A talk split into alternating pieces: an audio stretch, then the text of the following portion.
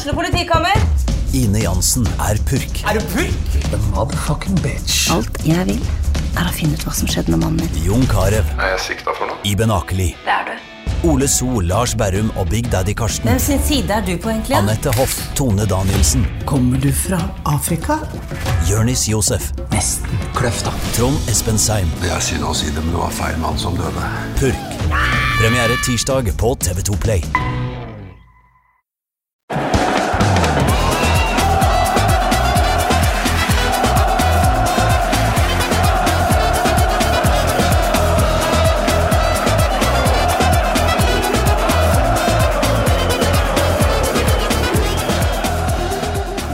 Og velkommen til en eh, litt spesiell eh, utgave av eh, Pyro og Pivo. For i dag så skal jeg snakke norsk, nesten Oslo-mål, med en annen fyr som snakker tilnærma Oslo-mål, men som sitter et helt annet sted enn meg. Tor Christian Karlsen, velkommen skal du være.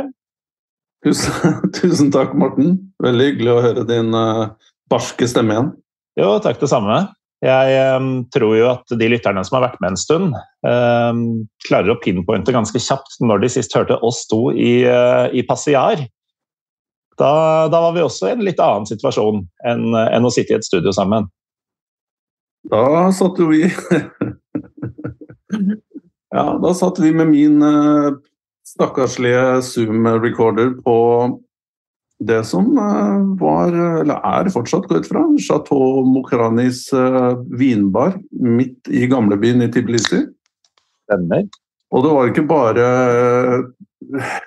Det var ikke bare vin, det var noe cha-cha og litt sånn på slutten her òg, men eh, det var, vel det var vel egentlig bare noe som i utgangspunktet skulle være et test, som vi bare lot løpe. Og det var nysing, og det var bakstøy, og det var eh, servitører som kom på bordet. Det, men det, du slapp det ut, du. Ja, ja. Det var noe, det var noe special guest eh, stars der. Altså, for det første var det bakgrunnsmusikk, fordi de hadde denne dempa, mer eller mindre dempa lounge-musikken, eller hva det var, eh, som gikk eh, konstant. Men det som var litt gøy, var jo at vi hadde jo sagt fra da vi satte oss at vi eh, kommer til å gjøre et opptak her. Så bestilte vi jo den der Kembo-flaska med rosévin, hvis jeg husker riktig. Sånn at de ikke trengte å komme til og fra bordet. Men så hadde de et eh, personalbytte mens vi satt der.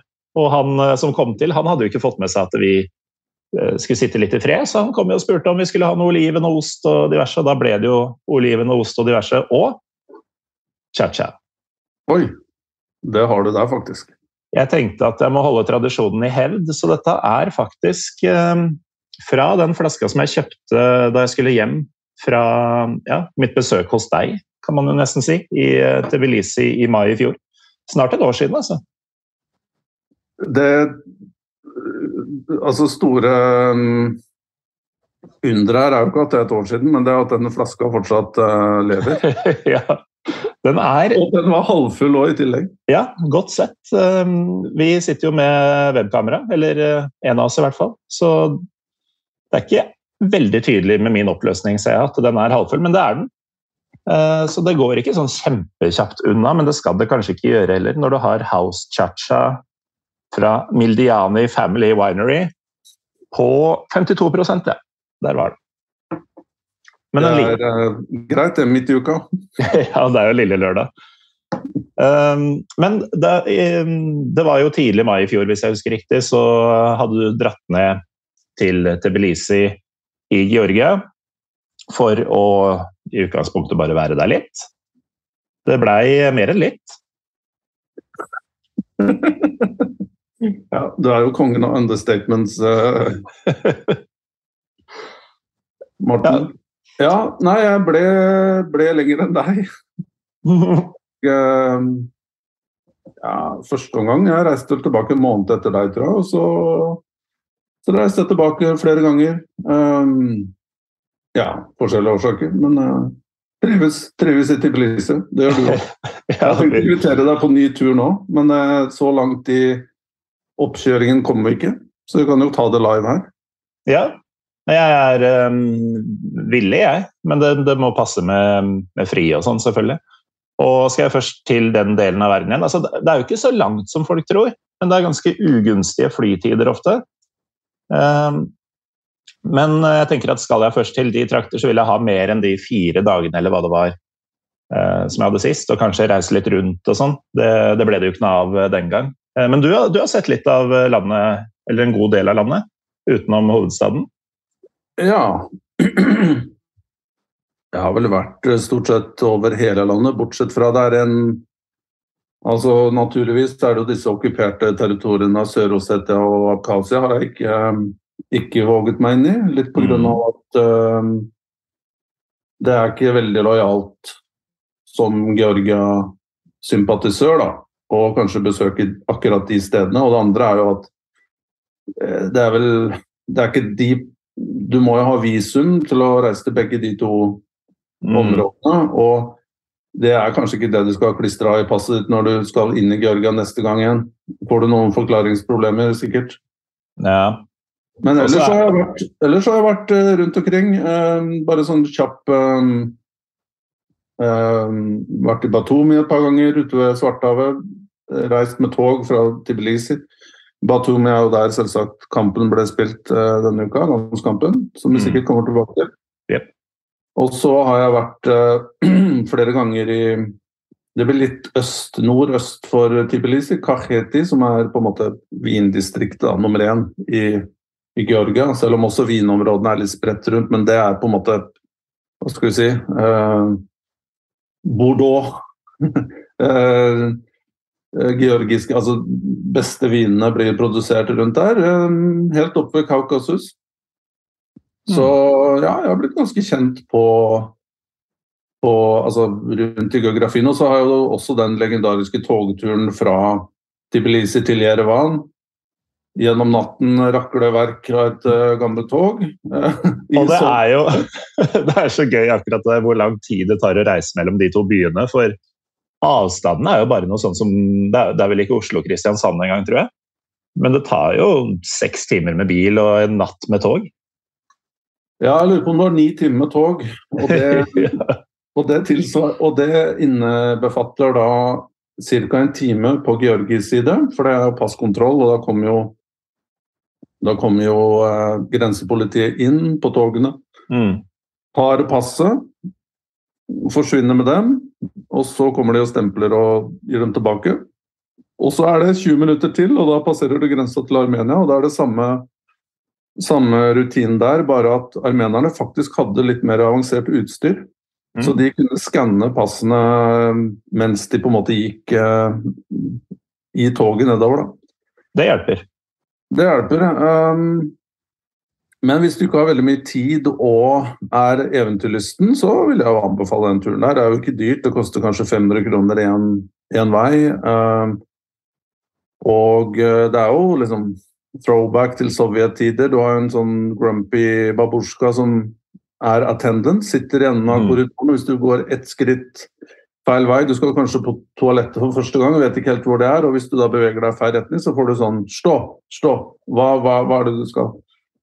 Og da må du bare stå og gi vakt og, og, og følge videre retningslinjer. Um, og så er det jo veldig sånn brutalt igjen da på morgenen, fordi uh, når du da nærmer deg Det er ikke sånn at toget uh, Du kan på en måte bare ligge og kose deg og småsove til toget når Jerevan. Um, men du skal jo da vekkes eh, sånn 45 minutter før mm. Destinasjonen på brutal måte. Med hard banking og noen rykk i døra i tillegg. så, så, så det, det, er jo, har sin sjarm, det òg. Og Jerevan er endestasjon, er det ikke det? Ja. Altså, det, er, det er ikke sånn at du risikerer å misse eh, stoppet ditt? Nei da. Det, toget, det her var Tbilisi-Jerevan. Mm. Men det er jo fantastisk. Jeg, jeg, reiste jo den distansen her på sommeren, eh, juli. Og, og, med klart, fint vær så får du jo Ararat eh, mm. som du, du, du, kommer da langs Ararat på vei inn i soloppgang. Og så det er jo det er veldig flott. Um, så ja, jeg har fått utforsket de fleste delene. Det er, uh, men det er fortsatt uh, litt uh, terreng å, å, dekke i dette mystiske landet. Og som du var inne på, Morten, noe av grunnen til det er jo også at det er vanskelig Eller ikke vanskelig, det er jo kan være litt utfordrende å komme seg rundt. Um, Tbilisi Batum igjen, da. Det er jo seks timer, tror jeg, med toget. Det rakler og går, det òg. Selv om togene for så vidt er fine, men linjene er ikke bygd for mer enn kanskje 50-60 km i timen. 70-80 kanskje. Og så Så er det jo vrient landskap. Ja, og så står det gjerne noen kyr eller noen sauer på linja som man må jage vekk og, og så videre. Um, og selv denne vindregionen, Kaketi som jeg var inne på, det er jo kun kanskje luftlinje 70 km, 80 maks. Men allikevel så tar det jo drøye to timer å komme seg dit, for du skal jo over det man kaller Snake Pass, eh, som er en type en fjellovergang. Der går jo trafikken i 30-40. Mm. Uh, og igjen da med masse Ja, det er en liten zoo da, med, med forskjellige dyr eh, som eh, koser seg ute i veien, og, Mhm. og mennesker som Det er som jeg sier, det er liksom lengre du øst, øst du kommer, og kanskje lenger inn i Øst-Europa du kommer, desto flere mennesker sitter det på bussholdeplasser som ikke skal med bussen, og stirrer Ja. ut, i, og stirrer ut i, i lufta. Det er Sånne sånn, veikantfolk. ja. Det er, eh, det er et eget folkeslag, det, Morten. Det, det er det. Eh, mye mindre skumle ofte enn enn man skulle tro. Altså det er, eh, jeg hadde vært mer skremt om jeg møtte noen sånne i eh, Arkansas i USA, liksom. For da blir det veldig sånn piknik med døden med en gang. Men uh, i Øst-Europa så er det liksom bare De har ikke noe annet å gjøre, så det bare sitter der. Ja, det er, ikke mye å, er ikke mye å ta seg til i disse stedene. På en måte transittetappen her. Det kan Mm. være ganske stusslig, men det, Men eh, ja, du har jo disse eldre mennesker som sitter og selger sopp, og de selger uh, so, so, eh, Hva er dette? Chorchuela. Jeg vet ikke om du var borti det? Den derre jeg, jeg hadde med på fotball-TV, husker du, og det ble jo en scenes ut av det. Det er den nøttestengelgreia. Ja, med noe sånn der, eh, karamellaktig lag rundt, som er uh, noe fruktgreier. Ja.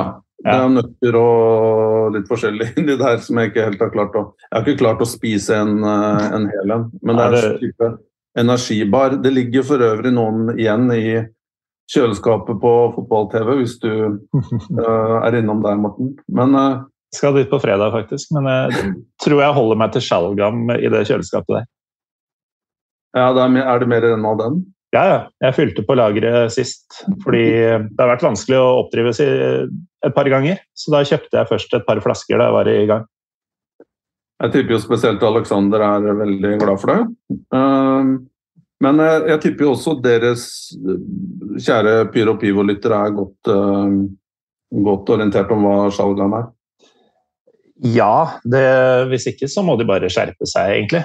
Men jeg håper også de vet hva cha-cha er, forresten, som vi nevnte i stad. Men for eventuelle nykommere da, så er cha-cha vel det er vel i praksis grappa, Tor Christian. Altså et eh, biprodukt av, eh, av druene som de i utgangspunktet skal bruke til vin, blir destillert til hissig, hissig brennevin med en viss fruktsmak, men mest bensin.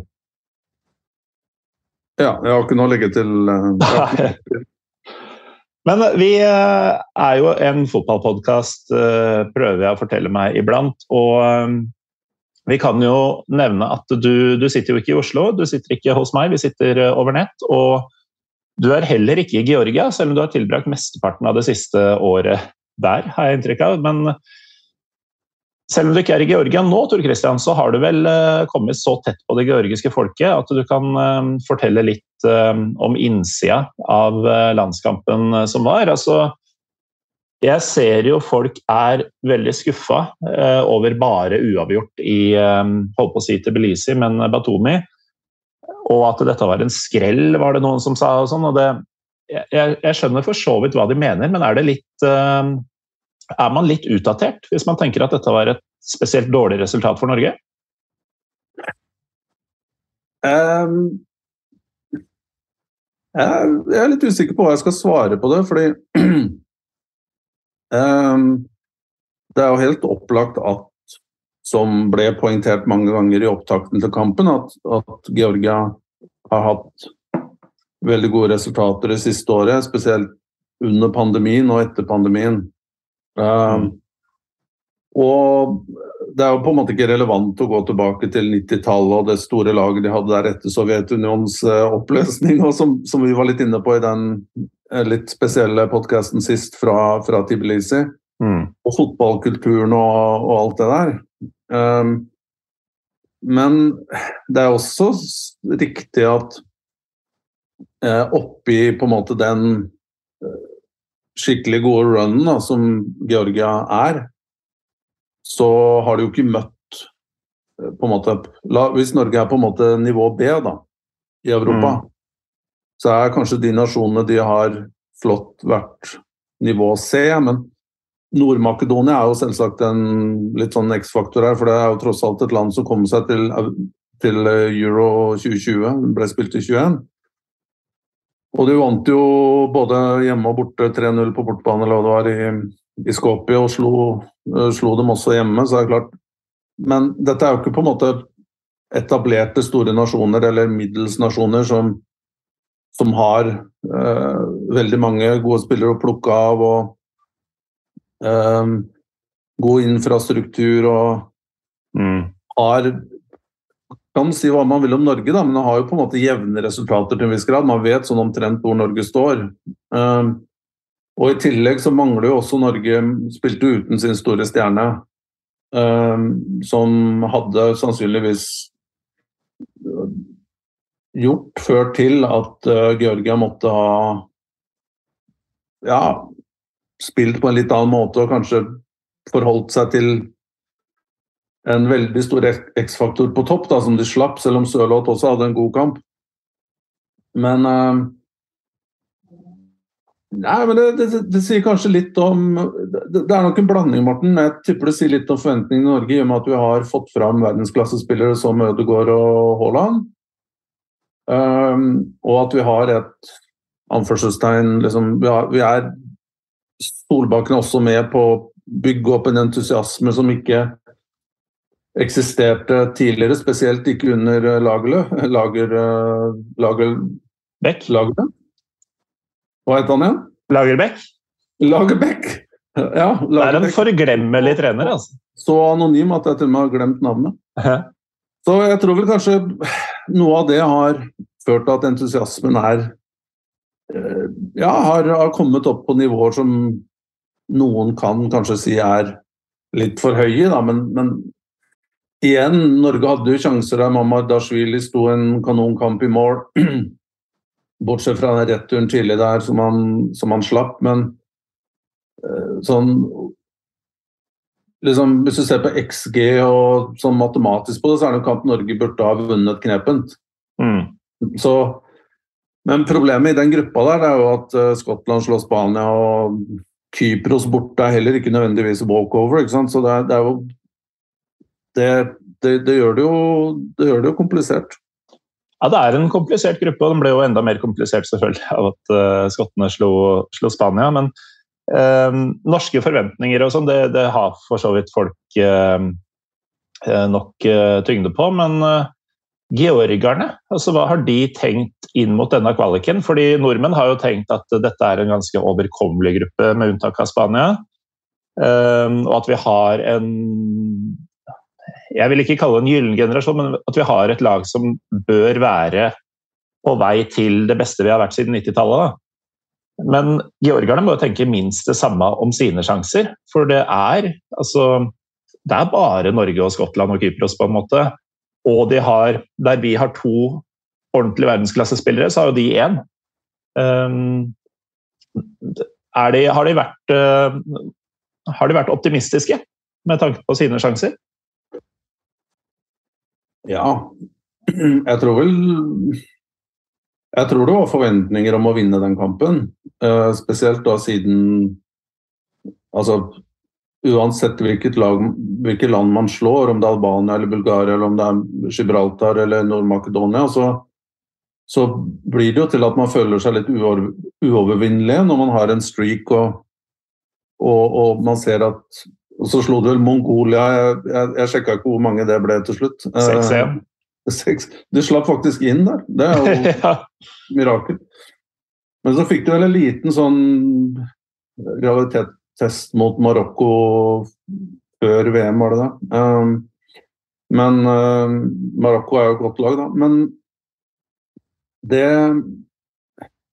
Jeg tror, tror ikke det georgiske landslaget her er De er på vei mot noe, og det, det har du jo dokumentert med disse resultatene. Men hvis man ser på laget her, som du også var inne på, Morten, at det er jo Du har jo én verdensklassespiller som i stor grad har vært på en måte den som har tippet resultatene i deres favør i mange av disse kampene med Kvaraskelia. Mm. Men du har jo ikke, du, du har jo ikke spillere rundt deg, bortsett fra Mamardashvili i mål, som spiller på noe som helst på en måte høyt, veldig godt høyt jevnt nivå i Europa. og ja, det er jo en del i sånn type belgisk liga. Um, en og annen i fransk, men riktignok på nivå to. Og så har du vel hva skal vi kalle det sjiktet som ville vært russisk og ukrainsk liga. Så det er, det er, som du sier, det er ikke spesielt høyt nivå, men det er ikke, det er ikke så mye hjemlige spillere heller. Nei, um, nei det er det nivået der. Det er, det er spillere i Polen, det er noen i, mm. det er noen i andre nivå i Tyskland, det er uh, Øst-Europa det er Azarov i, i, Røde Stjerne, og du har noen spillere i Ungarn. Og så er spredt rundt i Israel og andre steder. Mm.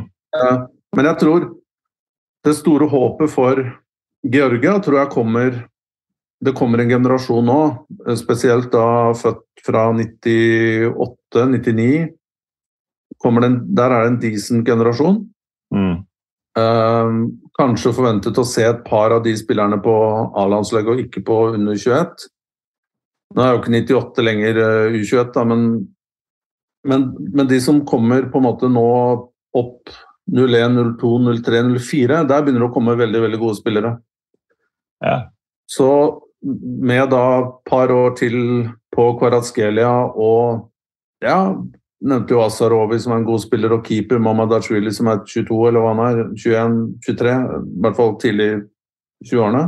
Mm så er det jo klart at de har noe å bygge videre på. Det på en måte utgangspunktet har de ikke hatt på mange år. da. Nei, altså det er jo spennende tider der. og eh, Jeg har jo forhørt litt eh, med deg, forhørt meg litt eh, med deg om åssen georgerne har takla Kvaratskelias suksess i Napoli. Alt annet enn edruelig er det vel du har omtalt den som?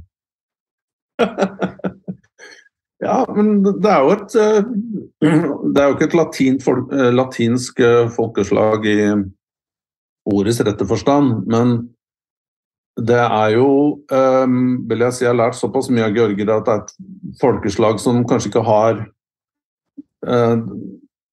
Hvis du rangerer fra én helt på bånn og ti helt oppe i stratosfæren, så er det ikke, de ligger ikke sånn på fem og seks. De er gjerne på en treer og en åtter.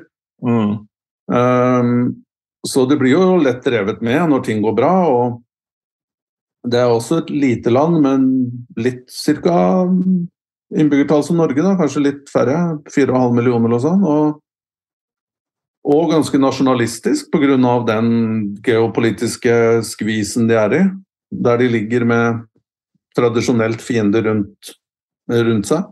Mm. Uh, og historien for de som kjenner historien, vet jo også at det er et land som har vært invadert ja, siden uh, tidenes morgen, og mongoler og, og alt mulig. Mm. Så de, de, har en veldig sterk nasjonal identitet, da, som også befester seg i kultur og ja, religiøs tro. Og denne herlige maten og hedonismen vi har vært inne på tidligere. Så når man da får fram en spiller som jeg vil jo si allerede nå at det er hvert fall, altså, Det er jo merkelig å si det på grunnlag av egentlig ti måneder. Fordi Paraskelia i Russland var jo på en måte en, en up and coming spiller. Russiske ligaen er veldig spesiell. Det er ikke så mye rom til å briljere individuelt der. Eh, og så fikk han jo den derre merkelige Uh, Camion for Dinamo Batumi, ni kamper, skåret åtte mål. Og jeg husker jo Det, det coincida jo med den perioden der du var der også, i begynnelsen av mai i fjor, hvor han, hvor han da spilte disse få kampene for Dynamo Tbilisi og ble eh, Dynamo Batomi og ble solgt videre. Og da var det en sånn goodbye-kamp til Kvaratskhelia, hvor før han gikk til Napoli med fullsatt stadion Ajarabet, der Norge spilte. Så det er jo vanskelig å måle opp på en måte, altså Hvis du ser tilbake i historien, så har du hatt kanskje den største spilleren i Georgis historie det er litt sånn toss-up mellom Aleksandr Tsjivadze, også kjent fra podkasten med samme navn, mm -hmm.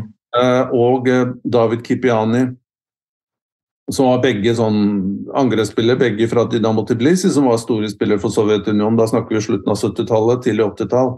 Ja, for når du nevner disse spillerne, så er det sånn Jeg tror da du tok denne lille kunstpausen før du nevnte de to, så er det sikkert mange lyttere på sånn cirka min generasjon da, uh, som venta på å høre navn som King Klatse, Ketzbaya, um, Kaladze. Men mm. uh, de er jo ikke de største.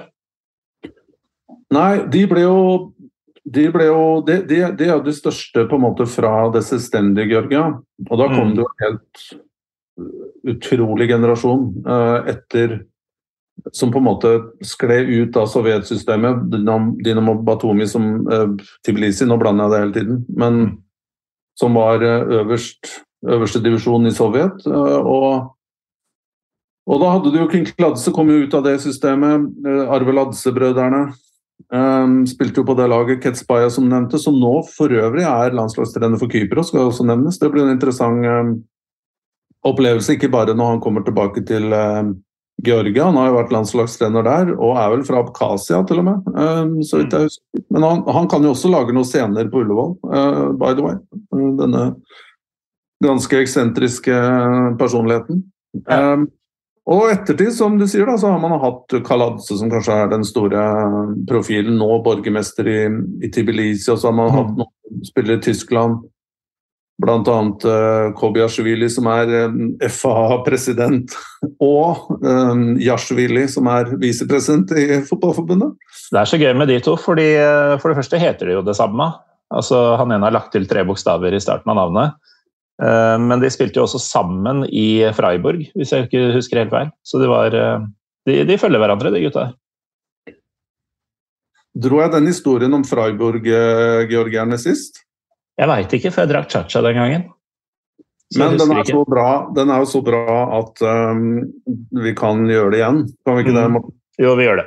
Da capo. Du, du hadde jo uh, Du hadde Kobiashvili. Yashvili spilte på Freiburg, som du sier, begynnelsen av 2000-tallet. Og så hadde du en stopper som heter Chishkitsjvili, tror jeg, som var også ganske bra. Mm. Og så hadde du en til jeg har glemt navnet. Men du hadde også en, en, en eh, høyrebekk som var tysker, som het Tobias Willy. Og han ble jo da Tobias Willy. Til ære for den georgiske legionen. Så man kan jo si det var fem. Ja, det, vi må nesten si det.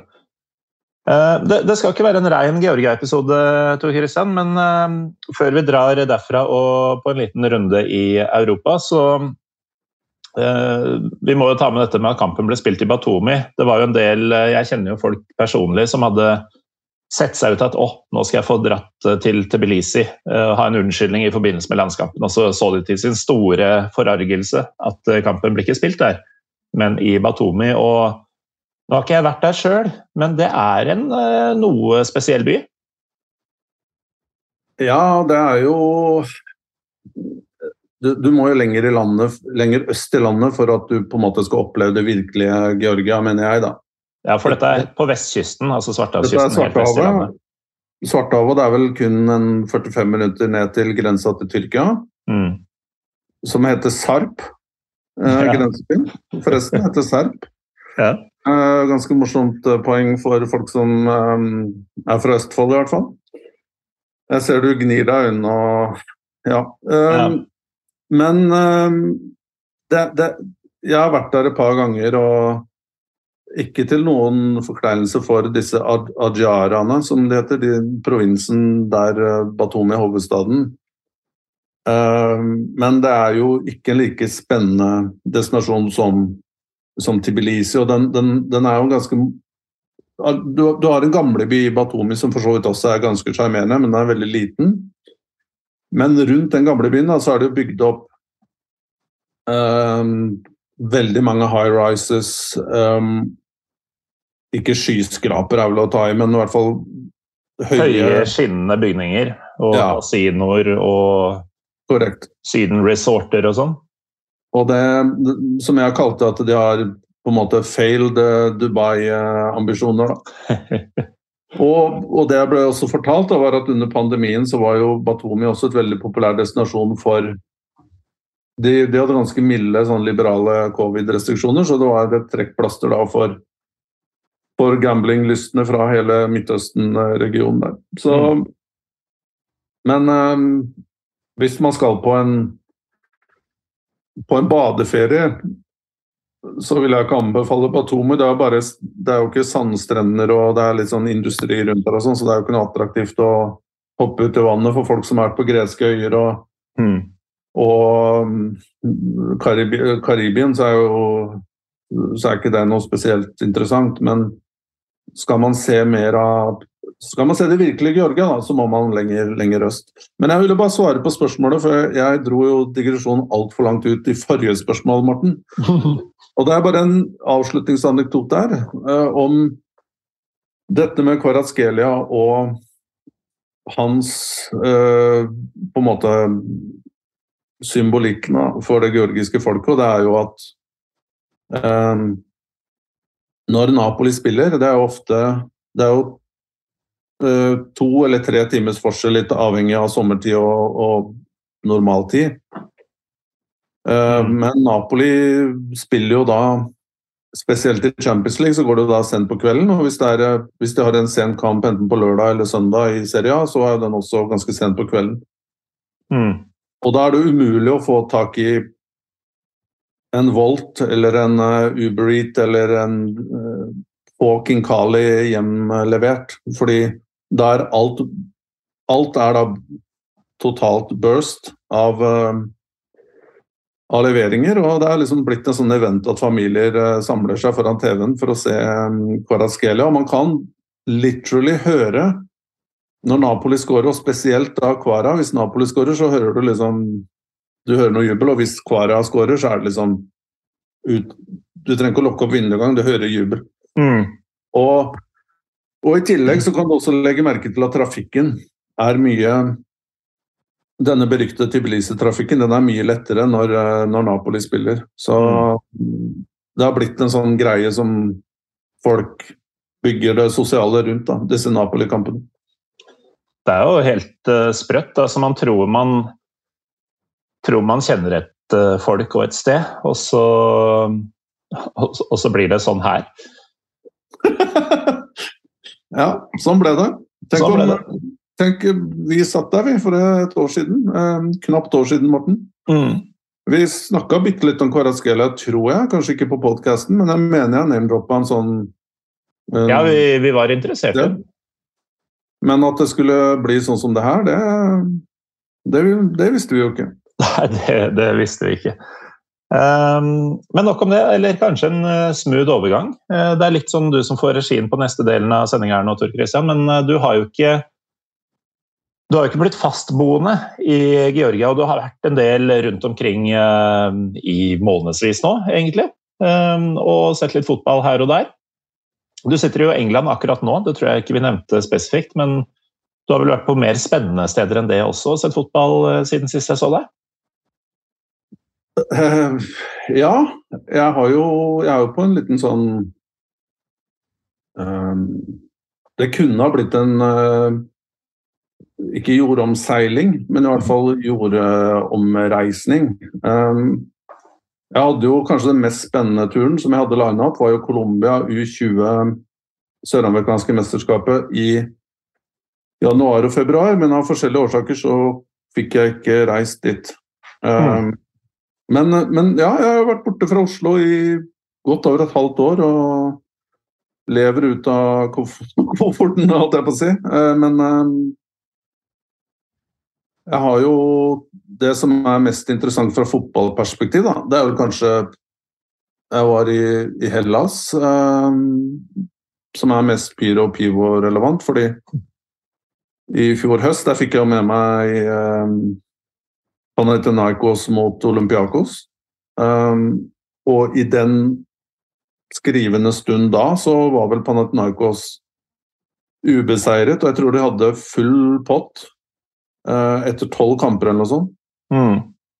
Uh, og traff da Olympiakos hjemme på um, Hva heter den Nikolaidis uh, Altså den Jeg husker ikke navnet på Du husker det sikkert? Pan Panathinaikos?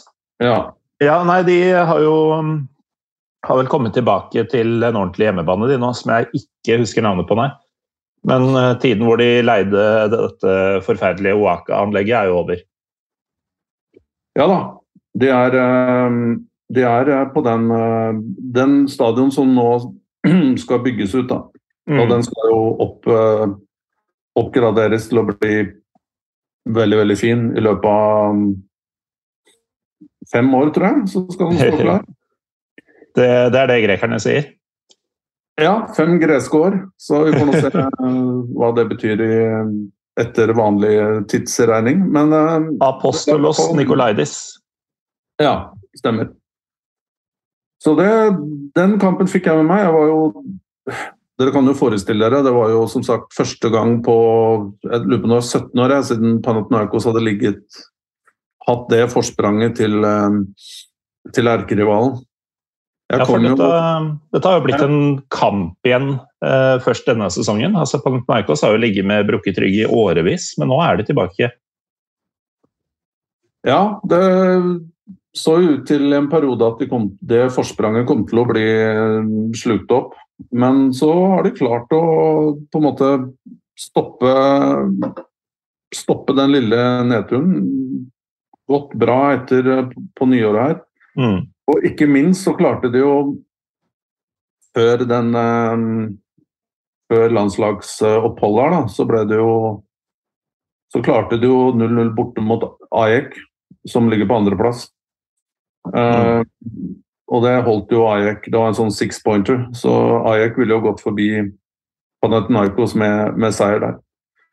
Men jeg forestilte meg jo ikke at jeg skulle få tak i billetter der. Um, men det klarte jeg. Mm -hmm. um, og klarte å skvise meg inn på den kampen med, med 22 er det 20 000? 22 000 andre. Um, og jeg hadde en plan om at jeg skal, nå skal jeg være tidlig ute. Fordi jeg skal få med meg litt på en måte build up her og, og sånn. Så jeg tok vel banen fra Akropolis opp til stadion. Det er bare sånn 20 minutters tur time og kvarter før kamp. tenkte jeg nå, Da er jeg der oppe kvart over, og da er jeg 45 minutter før fra avspark. Tror, tror det var klokka sju. Mm. Men da jeg kom inn på metroen, så begynte jeg å lure liksom, hva skjer nå. Eh, tomt. Så ingen med grønne Bortesupporter borte var jo selvsagt ikke tillatt på den kampen, men Nei, jeg tror jeg veit hvor det bærer. For eh, som eh, hva skal vi si, øst-middelhavsentusiast, så eh, Jeg veit hva de mener med å være tidlig ute. Og jeg veit at vår definisjon av å være tidlig ute ikke nødvendigvis er den samme som, som deres. Ja, det, det, viste seg å være helt riktig, Morten.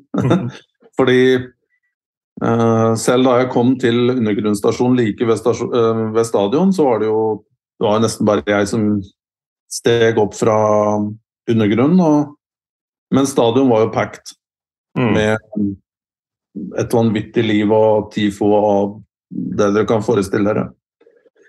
Og da var det vel 40 minutter igjen til avspark, tror jeg.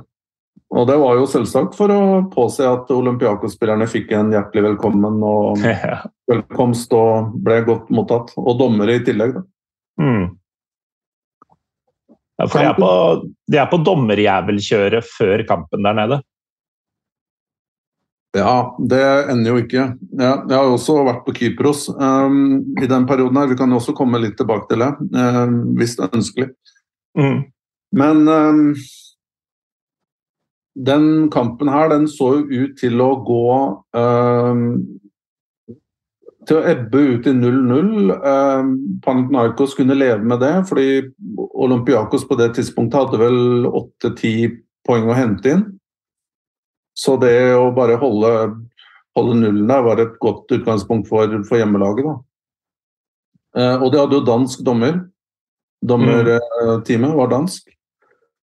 For dette er jo enda verre enn Italia, og, og muligens verre enn Tyrkia. Det kjenner du til bedre enn meg, Morten. Men den på en måte hele atmosfæren rundt dommere og hvordan altså Én ting er å bli enige om hvilken dommer som skal ta seg av de forskjellige kampene. Det, det er på en måte på ett nivå. Men det andre nivået er jo hvem som skal bestemme hvem som skal ta ut dommerne.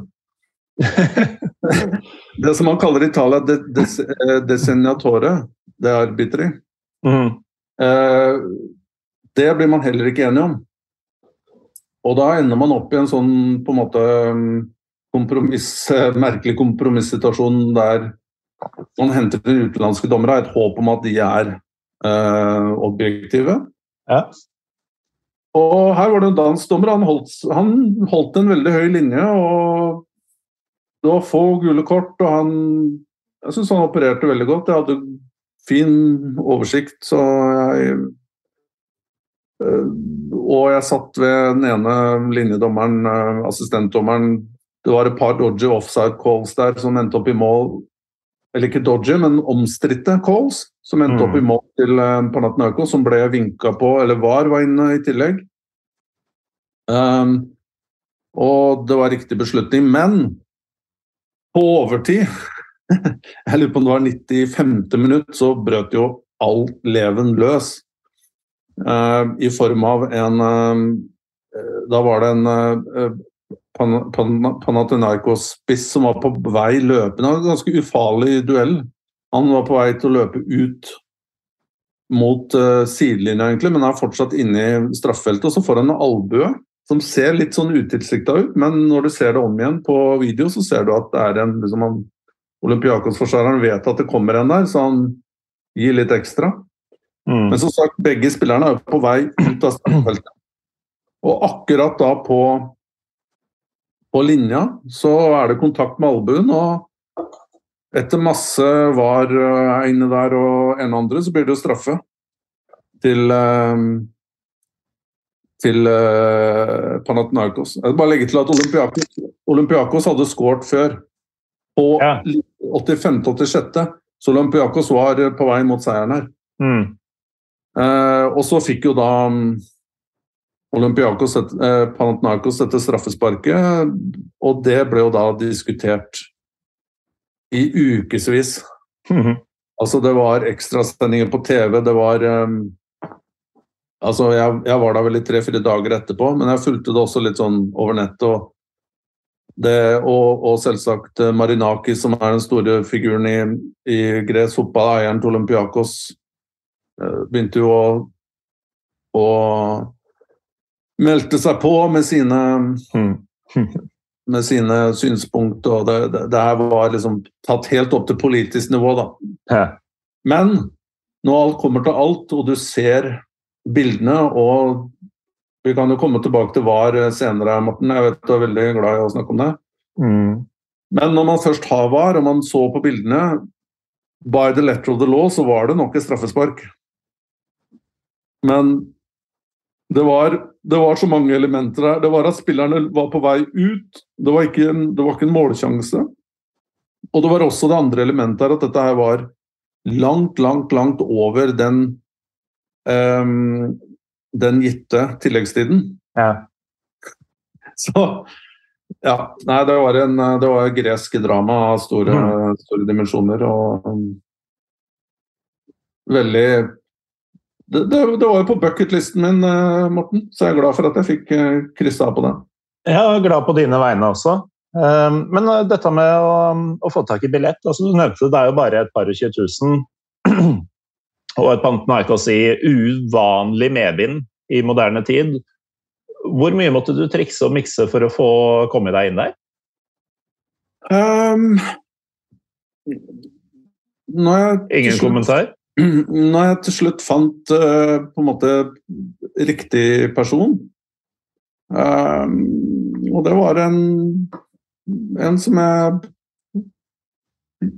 gammel kontakt i Hellas, i fotballmiljøet. Ja. Som hadde gode kontakter høyt opp i, i systemet i Panathinaikos. Som eh, Jeg tror kampen gikk på søndag, og lørdag morgen fikk jeg bekreftelse om at eh, ja, det kan du sende WhatsApp med passet. Og da, da var det i orden. Eh, Mm. Og da satt jeg jo plutselig oppe med med rekes, ikke rekesmørbrød, Satsiki i smørbrødbrigaden eh, der oppe. Så ja, det, det er sjarmen i sånne land, eh, Morten. I, Ja. Ved Middelhavet. Det, det, det, er, det er ikke langt fra å sitte på en bar og se sammen med noen taxisjåfører til å sitte ved siden av presidenten i klubben. Nei, altså jeg har jo um, Da jeg egentlig ikke kjente deg så godt, så var jo jeg i Israel. Og det var du også, for å si det sånn. Og da var jo jeg der med altså, noen av mine mer rølpete kompiser. altså Roy og Stefan fra Romerike. Du hører jo allerede der at dette er jo ikke, dette er ikke noe fiff. Um, og så forteller du at ja, jeg har noen kampbilletter til dere, jeg kommer innom. Og så var jo ikke det Det, det var jo ikke kortsidebilletter, det var jo VIP. og da sitter jo plutselig Bare fordi jeg egentlig indirekte bitte litt kjente deg der, så sitter plutselig tre eh, shortskledde romerikinger på samme tribune som ja, om ikke klubbpresidenter og sånn var der. Jeg ble ikke kjent med så mange av de lokale, men det er som du sier, det er kort vei fra, fra det ene til det andre hvis man treffer på riktige folk. Ja, det er eh, Det er noe av den fleksibiliteten og Ja. Som kanskje er en eh, Hva skal vi si, da? Er en døende et døende fenomen lenger nord i Europa, hvor alt Mm. er på en måte flatt og Det er bare ja, Nå har jo det også sin, eh, sine fordeler. da. Det er jo ikke sånn at man bare skal liksom kunne mm, skubbe seg foran i køer. Nå var det kanskje ikke så mye kø akkurat på den kampen jeg skaffa dere. Det- Vi hadde kommet oss inn på den uten deg. Ja, jeg tror det. En annen tribune riktignok, men vi hadde kommet oss inn. Ja. Men, eh, men eh, akkurat den kampen her med Panathinaikos og Olympiakos hadde ikke jeg forventa at eh, Og i beste fall så ville jeg tatt selvsagt vært fornøyd med hvor som helst det hadde blitt innkvartert der. Så, men, Mm. men det var i hvert fall en veldig veldig fin opplevelse. Det, Men det skjedde jo for så vidt litt mer eh, Jeg var jo også på en kamp bare sånn eh, Litt for moro skyld kvelden før så var jeg så Atromitos mot Aris. mm. Og Atromitos er jo en mindre klubb i utkanten av Aten. Um, jeg var veldig fascinert av å se dette derby mellom um, Chris Coleman og Alan Pardew. ja, sant. Og det ble vel bare det ene derby fordi Pardew har vel siden fått sparken. Jeg tror Coleman fortsatt holder fortet. Han har vel et år nå i Atromitos. Uh, som Party er borte, det er jeg ganske sikker på. Ja, det var vel uh, seks uker siden eller noe sånt. Mm. Så det fascinerte meg. Der var det jo der var det jo faktisk litt uh, liv, altså litt ugagn på tribunene, som du ville ha likt. Ja. Eh, spesielt i pausen, da, hvor Aris-fansen fra Saloniki, Tessaloniki de ble jo stua bort bak denne målet. og da hadde du Ideen var vel at Atromito-supporterne skulle da i utgangspunktet være på uh, hovedtribunen, bare helt i andre enden. Mm. Uh, og den teorien var jo bra. uh, men på en eller annen måte så klarte de å komme seg ut på selve hovedtribunen i pausen, disse ultrasene. Mm. Og da, da løp kanskje et par dusin av disse mm, hjemmetilhengerne over på enden av den hovedtribunen og begynte å skyte fyrverkeri inn i, i uh, Aris-supporterne. Og det utløste jo da selvsagt noen slåsskamper med politiet. Ja. Eh, Og pluss et skikkelig leven mellom eh, For jeg hadde jo også igjen ganske fine eh, billetter med tzatziki i pausen. Mm. Så jeg satt jo like mellom direktørene i, til Atromitos og Aris. Og da ble det jo Da måtte vakter inn og skille disse disse fiffene. Fordi eh, Aris-lederne var jo selvsagt veldig misfornøyd med at, at det ble skutt fyrverkeri på, det, på, deres supportere, uten at politiet klarte på en måte å, og vakter klarte å håndtere den situasjonen. Så, Jeg skjønner dem jo. Basert på basert på på en måte en ganske random kamp i Hellas, så tror jeg man kan oppleve ganske mye mer enn man vil tro. Jeg merker nå at det er, eh, begynner å bli et par år siden sist vi hadde en episode om gresk galskap, som eh, begge episodene Pyro Pivo har laget om gresk fotball, har heti. Fordi det er jo det er jo det, det er. Ja, det, det er um... Jeg kjenner ikke så godt til historikken der, men jeg, jeg har jo hørt mitt, og jeg har jo registrert at det har vært eh, tomme tribuner der til, til med jevne mellomrom, og det er vel en mm. grunn til det. Men noe av dette fikk jeg oppleve i Kypros eh, noen uker etterpå. Ja. Eh, for der var jeg også på noen kamper i, i Larnaca og i hovedsak. Jeg var og så på Anortosis, som var Um, som er kanskje den mest populære Ikke mest populære, Omonia er vel den mest populære klubben eh, på mm. Kypros. Mm. Um, men i hvert fall, det er en klubb med veldig mange tilhengere fra opprinnelig Famagusta, som er okkupert område. Uh, øst på øya spiller kampene i Larnaca og har supportere fra hele, hele, hele landet. og har jo også vært i Champions League et par ganger, tror jeg. Mm. Men der er jo misnøyen veldig stor, fordi det har ikke gått så veldig bra med den klubben. Og de er jo Nå har det gått såpass dårlig at uh, de ikke klarte å nå det øvre playoff. De ble nummer åtte eller noe sånt, så de spiller jo nå om nedrykk. Og ikke bare det, så er jo til og med eieren, som har vært der i mange, mange år, en ganske kjent, profilert og ganske OK, tror jeg. Uh, uh, kypriotisk forretningsmann. Han ser det ut til å ha trukket seg, hvis ikke det bare er på en måte et sjakkspill som, som pågår her, og at han uh, kommer tilbake med, med glintrende messing som Ivanhoe om noen måneder, etter at det har lagt seg. Men det virker i hvert fall som om at han har trukket seg ut av klubben, og den er den har fryktelig mye gjeld, og at det er en stor utfordring hvordan den klubben skal komme seg opp. Men jeg, jeg, var jo på disse kampene da det på en måte sto på som verst, litt før jul. Mm. Uh, og den ene kampen den fant jo aldri sted, fordi selv før kampen så ble jo, så ble jo keeperen altså da, da, da, avspark skulle gå, så ble jo keeperen til motstanderlaget uh, Hva skal vi si Ble jo ned ned eh, av objekter fra supporterne bak mål. Okay. Eh, og etter flere forsøk eh, fikk lagene inn i garderoben og ut igjen, men det samme skjedde. Og jeg tror tredje gang så bare bestemte de seg for at her blir ikke kamp i dag. Og det var jo også akkompagnert med, med en del liv og røre rundt stadion, med Anortosis-supportere og politistyrker. Eh, og Anortosis ble også idømt eh, store bøter og kunne vel ikke spille hjemmekamper på noen, på noen runder der hjemme på, på Papadop, Papadopolo, tror jeg den heter stadion. Mm. Så der, eh, der gikk det unna. altså Kyprioterne er vel sånn greker i miniatyr, bare enda mer eksplosive, er mitt inntrykk. ja. Har du sett kamp på Kypros, eh, Morten?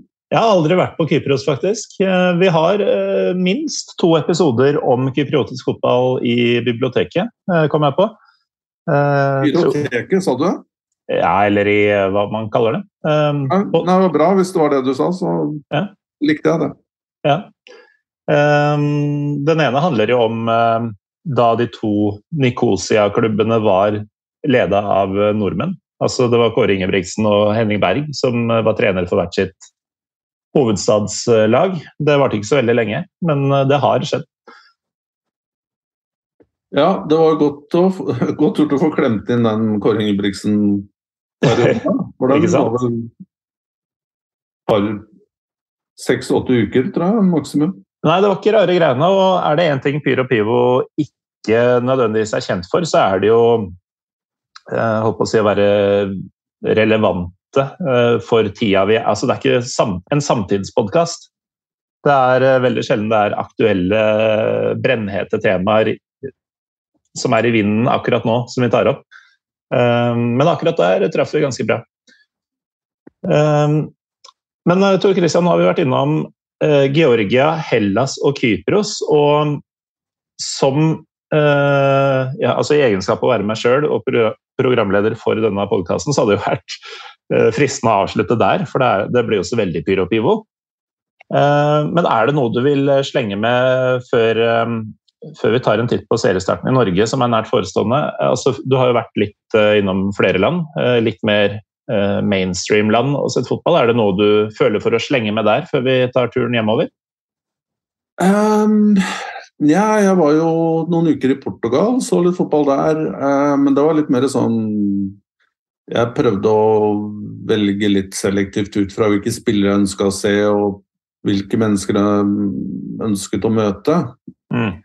Så det var jo Det var kamper i Albufeira, og det var små landsbyer utenfor Porto, og det var Jeg tror, jeg tror til og med Porto-Benfica-kampen gikk i den Og dette kommer du jo til like, Morten. Både Porto-Benfica, som jeg har vært på tidligere, eh, bare for å name-droppe det. Eh, Den kampen fant sted i den perioden, og eh, Benfica PSG. Og jeg valgte å ikke gå på de kampene. Og jeg var heller og så noen små lag Akkurat den onsdagskvelden, da, var tirsdag PSG Benfica, det hadde jeg sikkert ikke billett, så jeg prøver å ljuge på meg at jeg hadde noen andre prioriteringer. Men, men i helgene så var jeg på en måte på mindre kamper òg. Mm. Pluss at det tok et par uker. Det var jo mer eller mindre ferie eh, på Azorene. Såpass, ja. Ja, og jeg Jeg var eh, på Santa Clara. Eh, Jeg så ikke kamp, faktisk, men jeg var og så litt trening og litt sånn. Jeg syntes det var interessant. Men jeg så litt ungdomsfotball på Azorene. Jeg bare stubba borti noen kamper som jeg ble sittende. Jeg tror der har vi tittelen på episoden. Ungdomsfotball på Azorene. ja, det Men det var, det var jo på en måte Fotball er jo fotball eh, for oss som elsker litt ball, eh, Morten. Ja, eh, Men eh, hvis, du, hvis du kobler ut fotball eh, i ett sekund, så kan jeg bare legge til at eh, jeg Jeg har reist mye, og det har du òg. Og siste telling var jeg i hvert fall godt over 80 land. Um, men jeg må jo si at, og jeg har alltid hatt lyst til å reise til Azorene, men det har aldri på en måte falt seg. Det er to timer fra fra Porto eller Lisboa. Og da har på en måte ikke hatt noen spesielt god grunn til å reise dit. Og jeg, jeg har sjelden på en måte ferie. Jeg er altfor utålmodig til å slå meg til i et øh, fast sted og på en måte tenke på så mye annet enn jobb og, og sånt. Men, men der tok jeg en liten timeout i et par uker, og det må jeg si var en fantastisk opplevelse. Eh, jeg var bare på Det er vel ni øyer. Jeg var kun på den hovedøya som heter San eh, Hva er det? San eh, José, eller Ja, i hvert fall der, der eh, Ponta Delgada, det er hovedstaden på den øya. Og det er en naturopplevelse av dimensjoner som jeg ikke kunne forestille meg. Altså fra naturkilder i landet. Um, utrolig lush, frodig natur overalt. Og selv i Ponta Delgada, som er um, ja, det er vel en by på kanskje 20 000 innbyggere, holdt jeg på å si tilskuere, så nerd er jeg. Der Altså, Hvis du bare tar en spasertur langs havna der, så er det jo som å stirre inn i et akvarium. Altså, og nå tuller jeg ikke. Det er eh, tropiske fisker av all, alle former og farger, og det er bare et helt naturlig eh, ja, naturparadis uten like. Så hvis folk skulle ønske en, eh, på en, måte en skikkelig naturopplevelse, så vil jeg anbefale en tur til Azorene. Det vil man absolutt ikke angre på. Ja, så er det jo litt sånn For de som ikke tar uh, catcher Azorene sånn umiddelbart, så gjør et uh, Google Maps-søk, fordi det er litt sånn derre uh, Det ligger jo langt, langt, langt ute i Atlanterhavet der. I et område hvor du tenker at der er det bare hav. Fordi man tenker jo sånn der Europa slutter, fram til der Amerika begynner, så er det ingenting. Men der ligger faktisk altså Azorene med eh, byer på, ja, som er større enn Lillestrøm, til og med. og vakrere, vil du tro det? Eh, jeg har ikke vært der sjøl, så jeg får bare ta ditt ord for det. Men jeg tviler jo. Jeg gjør jo det. Klart du gjør det.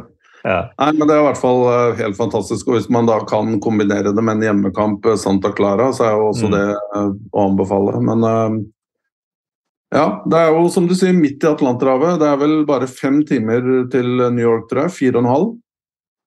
Ja, sikkert noe sånt noe. For det er jo direkte, flyvninger til både Toronto, New York og Boston, la jeg merke til. Jeg har jo et par andre podkaster også, hvorav den ene heter Historiepodden WW2 altså andre verdenskrig. Og um, ganske nylig så hadde vi en episode der om at uh, nazistene faktisk hadde mer eller mindre konkrete planer om å angripe USA.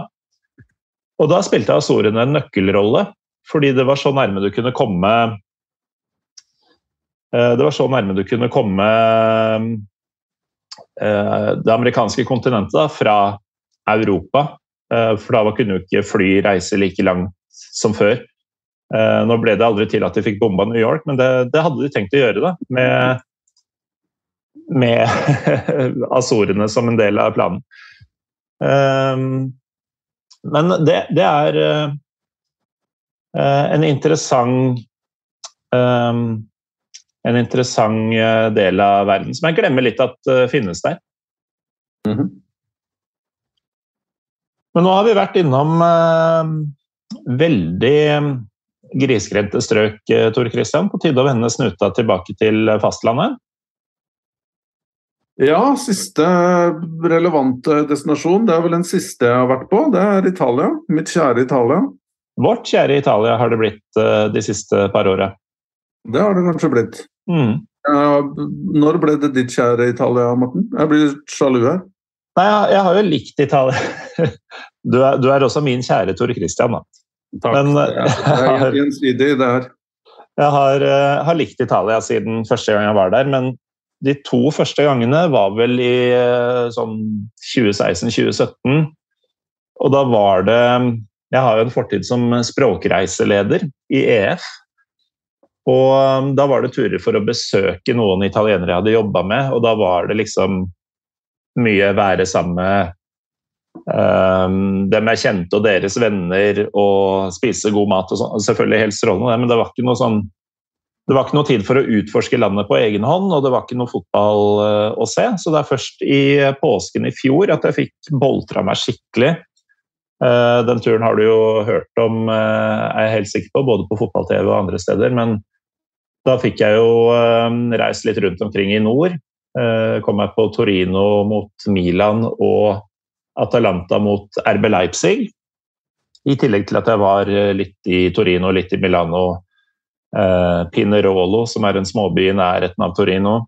Um, og Vicenza, som var en veldig positiv overraskelse. Mm. Um, og så var jeg innom uh, Venezia et par dager nå i vinterferien for ikke så veldig lenge siden. Og merker at hver gang jeg er i Italia, så får jeg mer lyst til å være mer i Italia. Og det må jo være tegn på at det er et bra land. Ja, det kan jeg jo bare det, Her snakker du jo til menigheten. Mm. Uh, jeg vet ikke hvor jeg skal starte med mine Italia, men vi skal ikke gå langt tilbake. Jeg blir sittende her til midnatt, men jeg er jo en Italia-elsker av rang.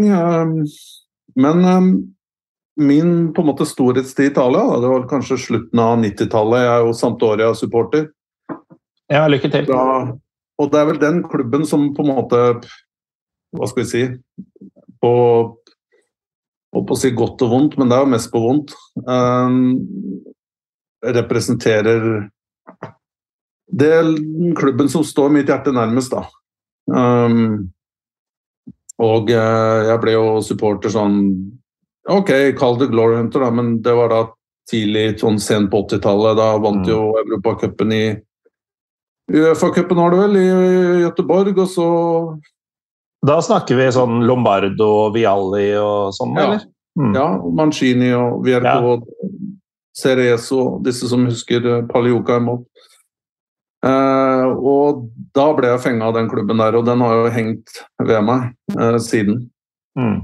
Uh, og de fleste Du, du har jo utdanna fotballutdannede lyttere, så de fleste vet jo at den klubben er jo ikke bare på vei mot nedrykk, men den er på vei også mot konkurs. Mm. Og mest sannsynlig tvangsnedflytning til serie D. Det er såpass, ja? Ja, det ser ikke bra ut i det hele tatt. De, de har jo fryktelig mye gjeld. Og um, de har en eier som Altså, president uh, Ferrero han måtte jo trekke seg for godt over et år siden pga. Ting relatert til andre aktiviteter enn fotball. Mm. Men han måtte da gå som president, men han har jo beholdt da eierinteressene. Og han kjører jo da en skikkelig sånn uh, tøff uh, prosess mot eventuelle oppkjøpere. Uh, og det ene og det andre har jo blitt nevnt her. Det var jo det var jo Qatar uh, muligens en, en overtagelse fra Qatar. Heldigvis skjedde ikke det. Mm.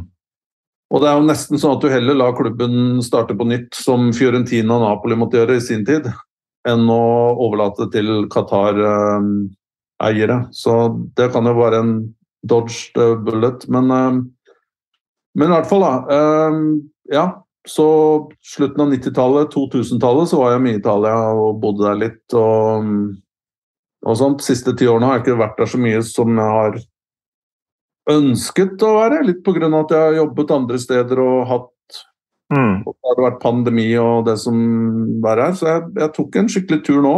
Um, litt for å Litt for å, som du sier, Morten, uh, bare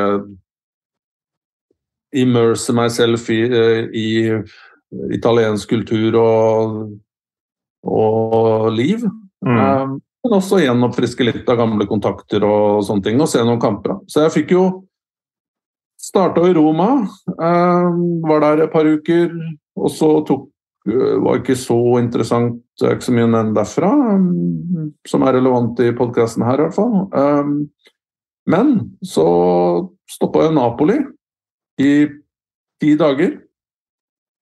Da, nå snakker du mitt språk her.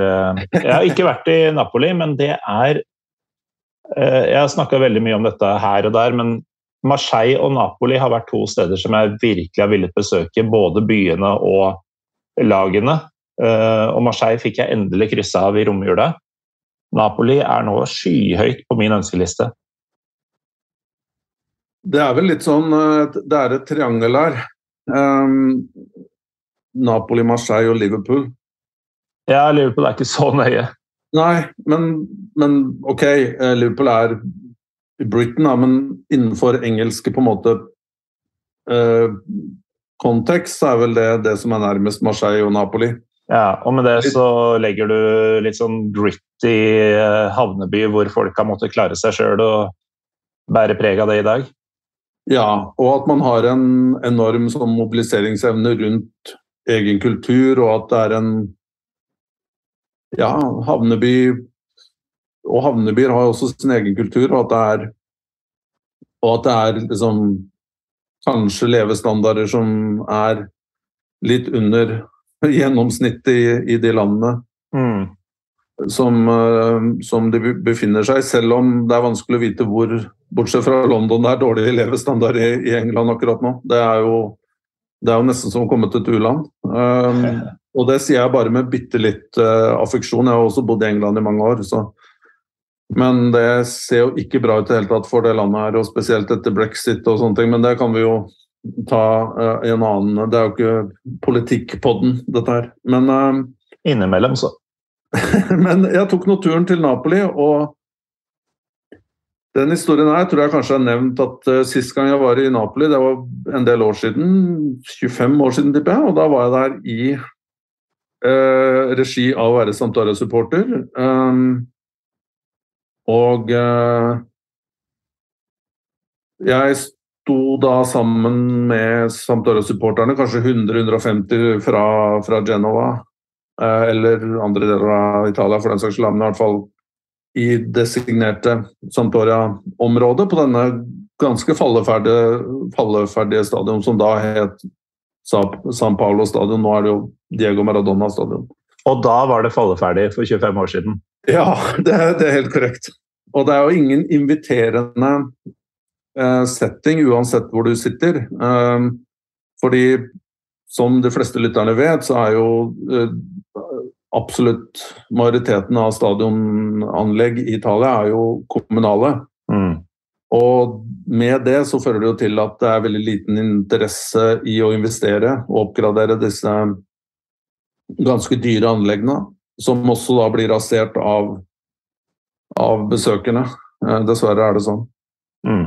Så da sto jeg der, og det var en ganske kjedelig kamp, men uh, Napoli tok ledelsen 1-0. Og etter sånn 75 minutter så får um, Santora frispark fra ca. 35 meter.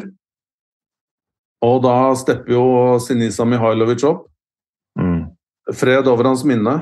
Uh, fantastisk mann, som vi mistet her for et halvt år siden. Og han gjorde jo som han alltid gjorde, og la den i krysset. Og da, da, skjedde det ting. Eh, da begynte, da begynte utrolig nok Sampdoria-supporterne, og meg selv inkludert, å juble. Mm. Og det var ikke Napoli-politioppbudet, eh, som omtrent matchet eh, antall supportere én til én. Så veldig fornøyd med. Så de begynte bare å hamre løs på, på oss. Og men jeg tror den lille unge baken min fikk eh, faktisk unngjelde. Uh, ikke unngjelde, det betyr vel at den fikk faktisk bank, men det fikk den ikke. Uh, så batongene satt jo løst, og, men jeg klarte å lure meg unna verste utbruddene her. Men mm. det var litt sånn italiensk fotball på 90-tallet, da. Det var sånn umotivert politivold som man kan bare fordi Sampdoria skårte. Det var ikke noe tendens til Det var ingen som prøvde å hoppe over noen gjerder, eller og det var jo, Du var jo på en måte isolert, som om du var i en mm. i på en måte en, en kyllinggård. Så, eller inni et sånn, hva du sier, sånn farm hvor du Du var innebura da, som dyr. Mm. Så du kunne ikke få gjort noe gærent der, bortsett fra at du holdt med feil lag. Nei. Så det var jo ikke noe spesielt koselig, men eh, Og jeg husker jo da Så gikk jeg fra kampen sånn Det, det var liksom Det skulle ikke teknisk sett være mulig å forlate stadion som Santoria-supporter, bortesupporter, før sånn type halvtime etter, uh, etter sluttsignalet. Men mm. jeg tror jeg gikk kanskje et par minutter før slutt. For det var ganske gira på å komme meg bitte litt ut, i tilfelle det ble enda mer eh, bråk. Så da gikk jeg sammen med et par andre. Vi gikk bare over liksom over plassen utenfor stadion, og da kom det politi bort og sa at eh, hvor skal dere? Så sa jeg nei, vi skal eh, Vi hadde ikke noe utstyr eller drakt eller noe sånt på oss, men de så jo at vi kom fra Santoria. eh, ja. Ja. inngangen, og så sa de nei, men vi skal til metro og tilbake til sentrum. Og da sa politiet nei, det skal dere ikke, det skal inn i politibilen her. Og vi skal kjøre dere til et trygt sted. Så det var litt sånn italiensk politi på godt og vondt, og vi ble eskortert da tilbake til sentrum, og de droppa oss opp og av, og det var veldig hyggelig. Men i det rommet imellom der, da, så må jeg jo si at Napoli har blitt en litt annen by. Det er fortsatt veldig veldig annerledes Ehm, resten av Italia. Det har en veldig spesiell atmosfære. kan jo ikke sammenlignes med nord, som du var inne på, Morten. Mm. Mm. Men det har blitt veldig mye renere. Trafikken er roligere. Det er liksom blitt mer sivilisert. da. Og du føler deg ikke så utrygg som du gjorde eh, back then. Og jeg bodde jo nå sist midt i Via Toledo, som er hovedgata i Napoli. Og nei, jeg syns det var kult, men det var moro å være der i den perioden òg, i og med at laget da mm, hadde 15, nå er det 18-19 poeng forsprang ned til uh, nummer to. Og bare bevitne det folkelivet og flaggene som henger ut av, ut av uh, vinduene i Quartiere Spanioli, som er gamlebyen der. Var oppe og så på denne Maradona-type museet der med murals, uh, graffiti det var Kvaratskhelia-bilder på veggene på restaurantene. um, og det var til og med søppelpose med Juventus-logo, Morten. Uh, det Ja. burde ikke. Det er fint. Så jeg tok noen bilder av det som jeg ikke har fått sendt deg, men det skal, jeg- det skal jeg få gjort på et Ja. annet tidspunkt. Da, da havner det på Instagrammen eh, vår, tenker jeg, i forbindelse med denne episoden. Ja, da kommer det etter, eh, etter opptak her. Men eh, det var nydelig å være en del av på en måte den stemningen som hersker i Napoli nå, da.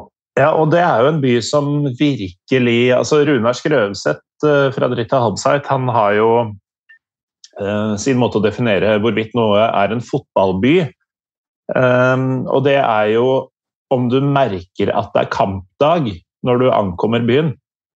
Men i Napoli så merker du vel egentlig at det er et fotballag sånn uka rundt, fordi den byen er jo dekorert i hvitt og blått, har jeg inntrykk av. I hvert fall i forkant av alle hjemmekamper, men det virker nesten som om det er ganske konstant. Ja, i, by, i bysentrum der så er det nesten ikke noe forskjell på om det er kamp eller ikke. Det er, eh, Mm. Og det er disse supporterstalls, sånne altså ingen, Det er jo en sånn running joke i Italia at den butikken som går dårligst i hele Italia, det er jo den offisielle butikken til Napoli. For det, alle kjøper jo fake og eh, drakter der. Eh, men eh, jeg, jeg, jeg syns jo på en måte det er en fantastisk historie, da, for det er jo en by som på en måte også har, som er fattig og har hatt sine store sosiale problemer. Mm. Uh, og kriminalitet og osv. Og, så og som nå får et skikkelig løft med, med det Scudetto som, som, som er på vei. Det er jo ingen som kommer til å ta fra dem det nå. Nei, de, de tar den. Og i tillegg eh, Champions League, hvem vet. De har Milan som de burde slå, og så får de vinneren av Inter og Benfica, tror jeg, neste runde. Mm. Og det skal jo også være overkommelig, så at Milan lurer seg til hjembyen din eh, til en finale der, eh, Morten. Mm. At Napoli blir å finne i Istanbul, Ja. er ikke helt umulig. Nei, på det verste av de fire store stadionene i byen, selvfølgelig. Um, men eh, Tor Christian, vi kan jo runde av ved å se litt eh, fram i tid. Nå har det vært veldig mye bakover og til det siste halvåret ditt eh, spesielt. Men når denne episoden kommer ut, så tar jeg påskeferie i hvert fall. Og um, på tampen av den ferien så starter faktisk Eliteserien her til lands. Og um, jeg håper jo Nå er det veldig mange som drar til fjells, da. Det er litt uheldig, men jeg håper jo å få gitt ut en, en seriestart-spesial med litt tabelltips og sånn. Men i påvente av det, eh, hva, hva ser du for deg eh, Vi kan prøve å holde det litt enkelt, da, siden vi begynner å bli litt groggy begge to. Eh, Men sånn topp og bunn i Eliteserien eh, 2023, hva ser du for deg? Nei, altså Det er jo Det er vanskelig å se at noen nykommere på en måte skal blande seg helt i toppen der. Det blir jo det blir jo de to som var der eh, i fjor, vil jeg tro. Hvis vi snakker om toppen. Jeg tror ditt Lillestrøm vil eh, vil være um, aktuelle. Syns du har gjort en god jobb med å Ja, Da tenker du på plassene bak de to? Ja, altså Glimt og Molde? Ja. Ja, jeg gjør vel det. Mm. Jeg er spent på Brann. da. Altså, det de Ikke bare fordi de bare blåste gjennom Obos, men fordi eh, de har vært utrolig gode i treningskampen og cupen og Mm. virker ekstremt solide. Um, så det er vel det jeg tenker i første omgang, hvis ikke du har noe mer um, Nei, altså jeg lovte jo um, og overraske deg litt med denne såkalte antimaninga, som for øvrig ikke er et ord, det må folk bare slutte å bruke. Men som romriking da, så um, er jeg helt enig med deg i at uh, Glimt og Molde, samme faen hvilken rekkefølge, de kommer til å ta de to første plassene. Og så tror jeg, omtrent helt oppriktig, at Lillestrøm tar medalje. Blir nummer tre.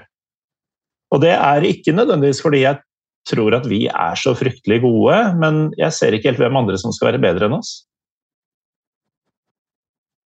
Nei, jeg følger deg til en viss grad der. Jeg tror jo Skal ikke jeg fortsette å mase med Brann-greia mi, men mm, jeg, jeg tror Brann Jeg begynner å lure på om det kan være et lag som begynner å blande seg opp i topp fem. Da. Og hva skjer da? Men apropos antimaning, kan det være sånn Språkrådet innstiller det til årets nyår? Nyord 2023? Jeg håper virkelig ikke det.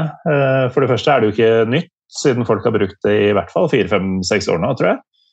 Men det bare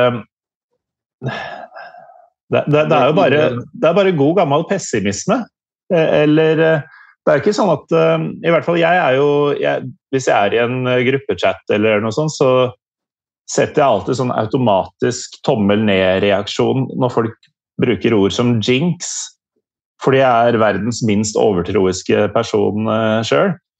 Og um, dette med Altså, jeg, jeg er ikke jeg har fått et rykte på meg for å være veldig negativ til LSKs sjanser, men jeg har aldri prøvd å bygge Lillestrøm ned for å på en måte eh, lure fram Nei, altså jeg, når jeg har sagt at Lillestrøm er sjanseløse, så har jeg oppriktig trodd det.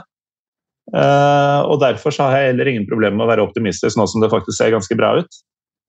Uh, for det er, det er, realisme vi driver med på Romerike, det er ikke, det er ikke antimaning, hva nå enn det betyr. Du vet veldig godt hva det betyr, men det, jeg skal ikke mase mer om det. Morten. Men skal vi ta et ord om VAR før vi gir oss, eller? Ja, jeg har jo ikke noe lyst, men jeg kan jo, kan jo bare si sånn Siden eh, det er jo en, eh, en høy andel av lytterne som er aktive supportere. Jeg var på et møte i Lillestrøm her om dagen hvor vi diskuterte og planla litt sånn aksjonsform når, eh, når man merker at VAR trer i kraft. Eh, for første gang spesielt, da, men også hvordan man skal markere holdningene sine til VAR gjennom sesongen. Og da fikk jeg inntrykk av at vi er litt sånn Ikke helt aleine, men at det, dette virker ikke å være høyt på dagsorden til de fleste supporterklubbene rundt omkring. og da, Hvis det stemmer, så vil jeg bare be alle som holder med andre lag der ute, om å rett og slett ta seg sammen og skjerpe seg. Og um, ta en runde på hva man skal gjøre. Fordi dette argumentet 'var er kommet for å bli', det holder ikke. Uh, som Trym Hogner sa i en førjulsepisode eh, om polakkene på slutten av 30-tallet hadde sagt uh, nei, nazismen er kommet for å bli, så det, det, det, er ikke bra nok, rett og slett. Man kan, man kan, si fra hva man mener, selv om man ikke nødvendigvis tror at, uh, at det vil eh, endre noe. Men eh, det handler litt om å være på riktig side av historien. Det var mine ord. Du har sikkert andre måter å angripe var på, eller eh, diskutere var på, Tore Kristian? Uh, ja, jeg vet ikke hvordan jeg skal følge opp den analogibruken der, da. Den var jo ganske heavy. Det, det, det, er en såkalt brei kost uh, som Trym liker å male med. Ja, det kan man jo trygt si. Nei, jeg, jeg Jeg tror vi er på samme lag der, altså Jeg, jeg tenker at uh, Jeg er ingen fan, og det er det, det, er så mange lager, da, Man kan jo snakke om hvordan det implementeres. altså, og Det er jo en klisjé. og det er liksom sånn og, og, Men det er jo sant at f.eks. i Italia så har du jo mye mer tak på VAR enn man har f.eks. i England. Mm. Eh, uten at den nødvendigvis gjør ting noe særlig bedre. Men man har ikke det uventede altså At man begynner å tolke ting as they make it up. They make it up uh, uh, hva, heter det? As they go along. Ja, Veien blir til mens man England, går. Og det er liksom sånn, I England så er det hvis det er et, et stort lag som uh, Populært lag da, på hjemmebane som har en dodgy call, så er det sånn Nei, vi lar den gå. Vi sjekker den ikke. Mm. Og så er det Lilleputt uh, Bournemouth som har en spiss blir kappa av beina, så er det liksom sånn Nei, det, det der er riktig, det. Så Ja. det er den dimensjonen der at det fortsatt er et menneskelig element eh, av um, Inni bildet her av de som sitter og studerer det. Mm. Men det jeg er litt opptatt av, som ikke har kommet opp i diskusjonen her i hele tatt, da, det er jo um, mer filosofisk uh, sak enn noe annet. Og det handler jo om off- offside. Ja. Og hvorfor offside-regelen ble implementert i det hele tatt. Og det var jo for å stimulere offensivt spill og på en måte komprimere spillet, sånn at ikke det ble eh, Gamle dager, altså du hadde spisser som bare kunne stå 20, 20 meter i offside. Og, så du kunne få et mer taktisk spill da, som flyter bedre. Og meningen med det var ikke at offsider skulle bare stoppes på millimeteren. Men meningen var at man bare skulle stoppe angripere fra å stå posisjonere seg sånn at spillet ble kompromittert. Mm. Og det har jo vært noen endringer i den regelen. altså I forkant av VM 94 så kom jo den der at hvis du aktivt signaliserte at du ikke var en del av spillet, så skulle du ikke vinkes på. Eh, Den ble jo tydelig i var det kvartfinalen mellom eh, Nederland og Brasil, når eh, Bebeto spilles gjennom der og dribler keeperen og skårer og har den der eh, babyfeiringa som ble Da går jo Romario nesten med henda i lomma, altså hvis Shortsen hadde, hadde hatt lommer. Så, så går jo han demonstrativt imot for å vise at han ikke er en del av spillet. Og så hadde du VM i Tyskland i 20, eller 2006, hvor man poengterte atter en gang da, at eh, ved tvil så skal det komme angripende lag til gode. Og det ble jo et kjempemesterskap med masse offensiv fotball og sånn. Mm. Og nå har du da eh, du, du, du skal ha offside nesten ned på sånn hands-nivå. At eh, dersom den toucher borti, så er det hens. Og det er jo stikk i strid med det offside har vært um, siden implementeringa som du nevner, og med de justeringene og presiseringene som jeg nå var innom. Det er jo et steg i fundamentalt feil retning. Ja, jeg syns du oppsummerer du, du la ord på det jeg egentlig ønsket å si, bare på en mer eh, elokvent måte. Og, og eh, det andre er jo også den impulsiviteten da, ved fotball. Som både supportere, som spillere, som ledere, som absolutt alle som bryr seg om fotball. Som vi aksepterer. Mm. at det å kunne juble når ballen går inn i nettet, og ikke på en måte legge inn masse caveats og reservere seg, og så vente på reviews, og så liksom blir det en halvhjerta feiring Ja. det, akkurat, Og de momentene der er utrolig viktige da, for sporten. Og appellen til sporten, at det skal være at, at, at, det, at det skal være en At det skal være pulserende, at det skal spille litt på på, på grensene, og at det skal være mulig å på en måte Mm. og, og jeg mener, i, i tillegg, da, hvor mange avgjørelser er det som har vært feil opp igjennom? Altså, øh, kanskje folk er lagd litt annerledes enn meg, da, men jeg er også supporter, og det er kamper jeg lever meg skikkelig inn i. Men selv om motstanderlaget får en feil idømt straffe eller et mål som har vært offside, eller Eh, Men du, du går jo videre. Mm. Det er jo ikke sånn på en måte at du, livet stopper og at du snakker om den beslutningen eh, i år og dag etterpå. Du aksepterer det menneskelige feilen som en dommer kan gjøre, det aksepterer du som en del av spillet. Nettopp. Og i morgen er det glemt, på en måte, og så går du videre. Mm. Og sånn har det fungert i 100 år, og så Og da mener jeg at det kan bestå. Jeg tar heller det enn den kostnaden som Og de på en måte nye demmende, hemmende og restriktive emosjonelle tiltakene som VAR Mm. bringer med, hvis det gir mening. Det gir veldig mening, og det gir kanskje ekstra mening i lys av at du akkurat har prata om Italia, hvor emozioner er liksom alfa og omega. Da. Og det, det, er det jo egentlig her i kalde nord også. Um, og så er det litt sånn, Nå setter jeg det veldig på spissen, da. men inntrykket er jo litt at de som ønsker VAR, er dommerne og TV-selskapene. Mens supportere og spillere ikke vil. Uh, og igjen, uh, ikke, jeg har ikke sånn veldig tung empiri på den påstanden, men det er litt inntrykk jeg har. og uh, Hvis det er i nærheten av riktig, så um, er det jo litt sånn Hvem er dette spillet for? Hvem mm. er, hvem er det du skal høre mest på? Ja, ja. Og det er jo et opplagt poeng i tillegg. Og, og så er det sannsynligvis også betting her. Altså, mm. Hvis du ser folk som profilerer seg, profilerte bettere, folk som driver med betting, så er de veldig veldig pro var. Ja. Men spillet ble for guds skyld ikke lagd for betting. Det, Nei, det er ikke trav, dette her. Nei, og det er jo om noe mm, Et av ondene ved fotballen, det er jo for så vidt betting. Altså, som oppmuntrer til også andre ting eh, i kjølvannet, manipulering osv. Mm. Og så kan man jo også si da, at man kan man jo bare tenke seg at uh, hvordan dette her blir i Norge. altså Vi har jo ikke dommere på nivå med det man har i Italia eller i Tyskland eller Jeg vil ikke trekke inn England, fordi de er så fundamentalt in, in, inkompetente, er vel det ordet jeg skulle fram til. Mm. At, uh, litt uh, stammende norsk blir det etter alle disse månedene i utlandet, Morten. Men så man kan jo bare forestille deg hvordan dette blir i Norge med tolkning og Dårligere dommere og færre kameraer og Nei, det blir jo ja.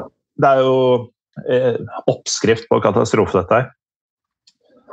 Litt uh, stokkete norsk blir det her, her, herfra også, Tor Christian, for nå har jeg tømt uh, Chachaen. Og jeg lurer på om det også er signalet på at vi har tømt oss for uh, Nei, hva er det jeg sier for noe? At vi er ferdig. ferdig snakka for denne gang. Uh, men vi har jo vi har jo mer å si begge to, så det, selv om vi er ferdig for denne gang, så er vi ikke ferdig på siste gang, tror jeg. Det håper jeg virkelig ikke, og så håper jeg på et snarlig gjensyn i helst i Georgia, Morten. Ja, helt enig. Uansett, tusen takk for at du tok deg tid fra er det Manchester, eller hvor er det du er nå, egentlig? Det er korrekt. Ja, fra Manchester, med den beryktede flyplassen. Um, og at du tok deg et par digitale pivo med meg og prata litt om ungdomsfotball på Azorene. Det satte jeg stor pris på. Takk for at jeg fikk gjeste, og så vil jeg bare benytte anledningen til å ønske um, hele Pyro menigheten, og ikke minst Pivo, Pivo-menigheten en eh, riktig god påske og god, eh, god fotballsesong 2023. Eh, Med eller uten. På vegne av Pyro- og Pivo-menighetene ønsker jeg deg det samme tilbake, Tor Christian. Til deg som hører på, takk for at du gjør nettopp det. Vi er PyroPivopod på Twitter og Instagram. Mitt navn er Morten Gallosen. Og hvis ingen dør på korset, så håper vi å komme ut med en eliteserieoppstartsepisode neste uke. Ha det bra!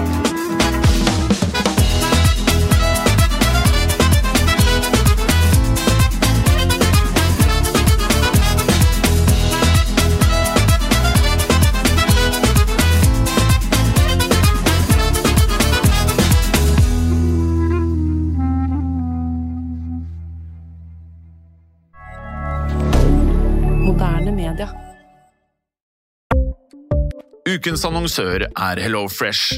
HelloFresh er verdens ledende matkasseleverandør og kan være redningen i en travel hverdag. Mange av oss har nok vandret i butikken både sultne og uten en plan for middagen, som ender med at vi går for de samme kjedelige rettene gang på gang. Middag burde være dagens høydepunkt. Som HelloFresh kan du nå velge mellom 25 ulike retter hver eneste uke, eller få HelloFresh til å sette sammen menyen for deg. Dette gir deg muligheten til å prøve nye og spennende retter alene eller sammen med familien. Du velger antall porsjoner og får alt levert på døren på et tidspunkt som passer for deg. Oppskriftene er enkle, og maten er lett å lage både for store og for små. Ved å få alt levert hjem får du også mer tid til å dele matgleden med familie og venner. Kanskje det frister med asiatiske tacos eller greskinspirert kylling? Da kan jeg anbefale deg om å gå inn på hellofresh.no. Her kan du bruke koden FOTBALL og få opptil 1779 kroner i rabatt på de første fem matkastene hvis du ikke har prøvd Hello Fresh tidligere. Du kan også bruke rabatten hvis du har vært kunde og stoppet abonnementet ditt for tolv måneder siden eller lengre. Gå inn på hellofresh.no og bruk koden FOTBALL. Har du et enkeltpersonforetak eller en liten bedrift? Da er du sikkert lei av å høre meg snakke om hvor enkelt det er med kvitteringer og bilag i fiken, så vi eh, gir oss her, vi. Fordi vi liker enkelt. Fiken superenkelt regnskap.